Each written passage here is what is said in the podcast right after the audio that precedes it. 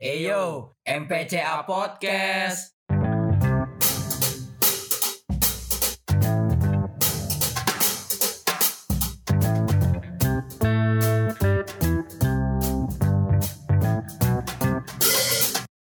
What's good internet? Selamat datang lagi di podcast MPCA episode yang ke-6. Sebelumnya perkenalin dulu nih, nama gue Akmal Ruliandi atau di Lawalata gue dipanggil Rocky. Dan juga kali ini gue nggak sendirian aja, gue sama salah satu teman gue di MPCA, yaitu Anissa Rahman Nadia atau kami manggilnya Bolet. Sebelumnya gue mau nanya-nanya kabar dulu nih. Gimana nih, Let? Kabar dan kesibukan lo di saat PPKM gini? Halo semua, kabar gue baik, Rock. Cuma uh, kesibukannya paling zoom-zoom aja kali ya di zaman-zaman pandemi kayak gini kan kita nggak bisa ke mana-mana. Jadi kita cari hiburan lewat zoom bareng teman-teman sama eh, keluarga dan juga teman-teman yang ada di luar pulau sana, Rock. Kalau lo gimana nih? Kesibukan gue nggak kurang lebih sama-sama kayak lo sih kan kita juga satu organisasi ya. Cuman kalau gue lebih sibuk dari MPD dan MPF sih yang tugasnya kan bejibun banget tuh apalagi tugas VC yang harus nge-VC satu orang satu orang itu menurut gue buang-buang waktu sih cuman ya gue suka lah ngejalanin itu cuman sebelumnya nih kita bakal bahas uh, sebelum kita bakal bahas topik gue mau mengingatin buat para pendengar semua jangan lupa mengikuti protokol kesehatan yang telah diterapkan yang telah ditetapkan pemerintah dan juga jangan lupa makan makanan yang sehat dan juga olahraga sehingga kalian bisa terhindar dari virus ini Nah, betul banget tuh. Apalagi di zaman sekarang ini, kita sakit pilek aja orang-orang mikirnya udah kayak, wah lo kena COVID ya? Kayak gitu kan. Jadi itu tuh menurut gue rada menekan mental sih sebenarnya. Padahal orang yang cuma sakit flu biasa aja, orang-orang tuh bisa nganggap itu COVID. Bener gak sih, Rok? Jangan lupa buat kalian di rumah, jangan lupa untuk menjaga protokol kesehatan. Oke nih, Let. Jadi kita langsung aja ke topik ya. Jadi untuk tema podcast kita di episode ke-6 kali ini adalah PPGD atau kepanjangannya adalah Pertolongan Pertama Gawat Darurat. Tapi sebelum itu nih, Let. Gue mau nanya dulu sama lo. Lo Apa suka tuh? nonton bola gak? Bola gue suka banget sih. Karena ayah gue juga sama adik-adik gue suka banget tuh nonton bola. Klub favorit lo apa? Klub favorit lo? Hmm, apa ya? Gue tuh lebih ke bola-bola Indo sih sebenarnya kayak timnas gitu. Cuman kalau misalnya luar mungkin gue MU kali ya, Manchester United. Kalau lu gimana nih, Rock? Waduh, gue gua rival lu dong. Gue Manchester City nih, bro. Gue Wah. gue bakal juara UCL tahun depan. Wah, cuman ya, cuman kita cuman aja. Cuman ya, dibandingkan kita ngomongin itu, ada hal yang lebih penting nih. Wah, apa tuh? Yaitu kita bakal ngomongin Euro. Tapi di Euro ini kita nggak bakal ngebahas tentang Italia yang juara ataupun Inggris yang lolos ke final dengan Denmark yang dengan segala kontroversinya itu. Tapi kita Bali ini akan ngebahas tentang Christian Eriksen yang kolaps saat laga Denmark lawan Finlandia kemarin. Lu kemarin nonton nggak laga itu? Oh, gue sempet nonton nih. Ayah gue bilang itu tiba-tiba kolaps. Cuman gue baru inget juga nih pas lo ajakin ngobrol lagi. Christian Eriksen ya namanya ya? Oke, tapi gini nih, nih, gue bakal ngebacain berita dari sportdetik.com ya. Mungkin untuk para pendengar masih belum asing gitu, masih asing gitu tentang Erikson siapa gitu. Jadi gue bakal ngebaca nih. Jadi gue mengutip pada laman sportdetik.com bahwa dikabarkan Christian Eriksen mengalami kolaps pada 12 Juni saat laga Denmark kontra Finlandia kemarin. Awalnya saat Eriksen saat jatuh kawan setimnya mengira bahwa Eriksen itu adalah jatuh biasa, namun setelah beberapa saat mereka menyadari ada yang tidak beres dan wasit langsung memberhentikan pertandingan sementara. Melihat hal tersebut, Kapten Denmark yaitu Simon Jair langsung memberikan pertolongan pertama pada Erikson menggunakan teknik CPR sampai akhirnya tim medis datang membantu.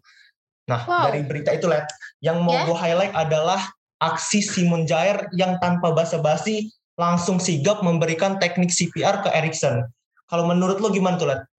ada orang yang tiba-tiba kolaps tiba-tiba langsung ditolongin sama rekan setimnya menurut gue penting banget sih pertolongan pertama gawat darurat itu penting banget karena kalau lu telat semenit aja itu udah benar-benar bisa bahaya banget sih Rock Yo, gue setuju banget sama lo karena teknik CPR ini merupakan teknik yang menurut gue itu nggak cuma tim medis ataupun tim pecinta alam gitu ya. Menurut gue semua orang itu harus bisa ngelakuin teknik CPR. Minimal tahu lah gitu tekniknya. Sehingga kalau misal kita ada apa-apa nih, misalnya kita uh, orang terdekat kita mengalami sesuatu yang tidak diinginkan, jadi kita bisa menjadi orang yang pertama yang bisa menolong tersebut.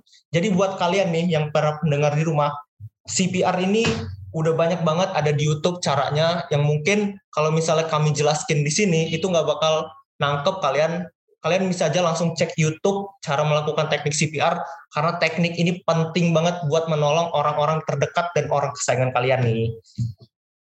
Oke, keren banget sih ini berita dari lo bikin teman-teman di rumah dan di luar sana tuh jadi paham ada apa sih sebenarnya sama Erikson.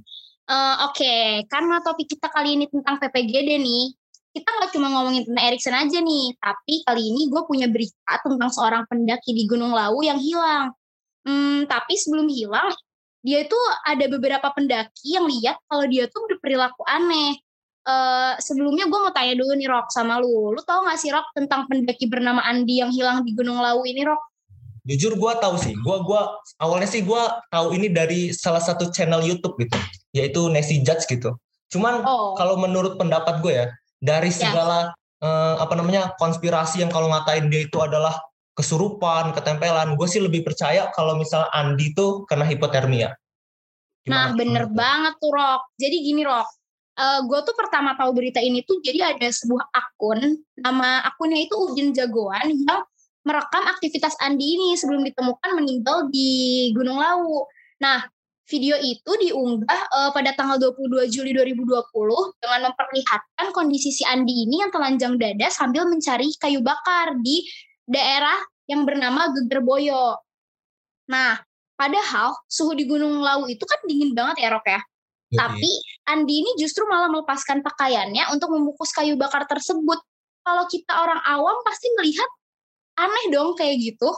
Yoi, kalau menurut gue ya, lihat ya, karena ya. kita pernah dijelaskan kan kalau kalau misalnya orang dari yang terkena hipotermia itu dia tidak bisa membedakan kalau tubuhnya itu merasakan kedinginan atau kepanasan. Jadi kalau misalnya menurut ilmiah itu kayak gitu.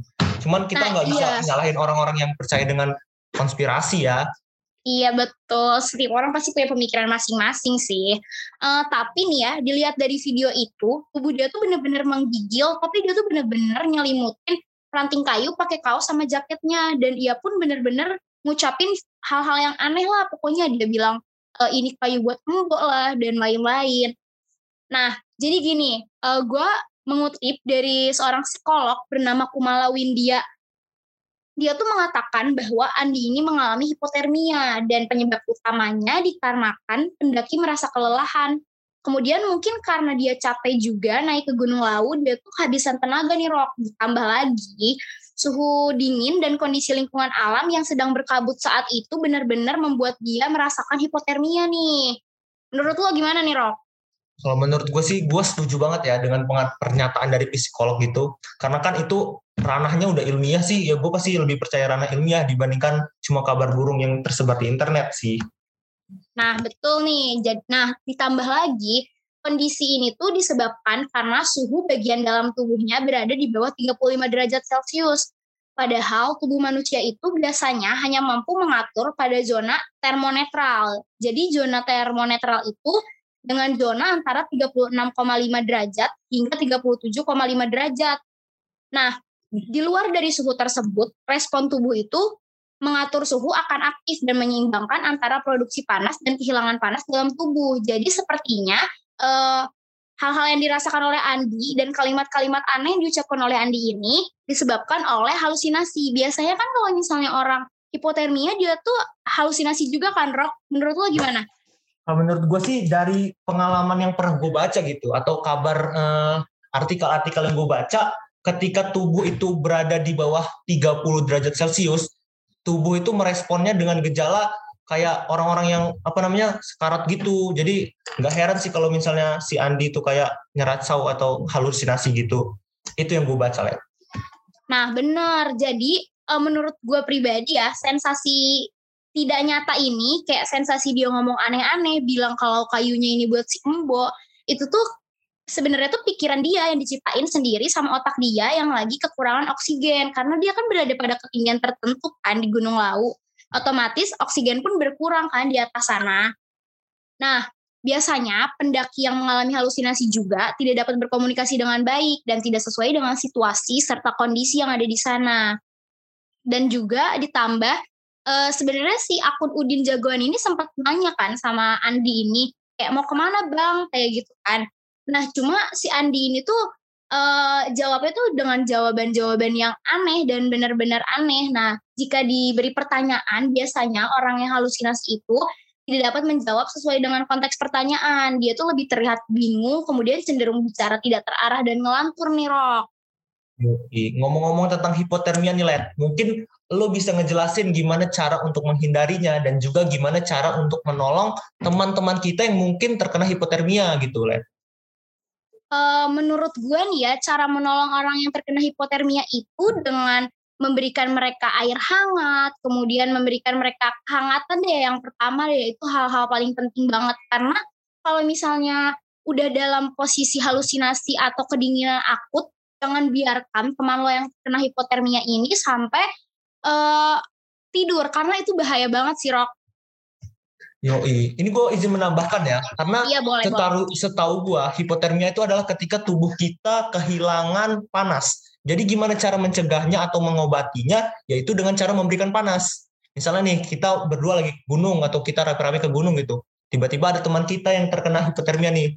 Ya kita masak apa memberikan dia makanan, habis itu juga kita menyalakan api unggun. Pokoknya kita menyarikan sumber panas sehingga tubuh dia itu kembali ke tubuh suhu tubuh yang normal. Gitu tuh, Ler. Oh, betul banget nih. Nah, nih bagi orang-orang yang penasaran mungkin ya apa yang terjadi selanjutnya dengan Andi uh, sayangnya nyawa Andi ini tidak tertolong nih Rok mungkin karena penanganannya pun ya. Iya penanganannya pun diberikannya tidak langsung kan. Uh, jadi nyawa Andi itu benar-benar tidak tertolong sih kayak sangat disayangkan sekali. Yo, jadi kalau ini dari dari cerita ini yang bisa kita ambil pelajaran adalah ketika kita melihat teman kita yang hipotermia, kita harus memberikan mereka pertolongan pertama yaitu yang sudah gua sebutkan tadi. Ya nggak Len? Iya betul banget tuh Rok. Hmm, jadi mungkin kesimpulan dari PPGD ini berilah pertolongan yang benar-benar pertama banget ketika lo semua ngelihat kalau misalnya rekan-rekan atau teman-teman terdekat lo nih lagi butuh pertolongan gitu ya Rok ya jangan sampai telat gitu. Menurut lo gimana nih Rok kesimpulan dari semuanya? Karena kan definisi PPGD kepanjangan kan pertolongan pertama gawat darurat. Jadi kita menolong orang lain sebelum bantuan yang lebih serius seperti pihak medis itu akan datang. Jadi ya minimal kita bakal bisa bakal bisa banget ngebantu teman-teman kita yang terkena musibah seperti itu tadi Len Oke, bener banget nih. Hmm, mungkin karena waktu juga sudah menunjukkan pukul segini ya Rok ya. Mungkin uh, sampai di sini aja materi PPGD dari kita. Uh, gua Bolet dan Rocky pamit undur diri. Selamat menyaksikan episode selanjutnya. Dadah. Dadah. Selamat jumpa di episode selanjutnya. Bye.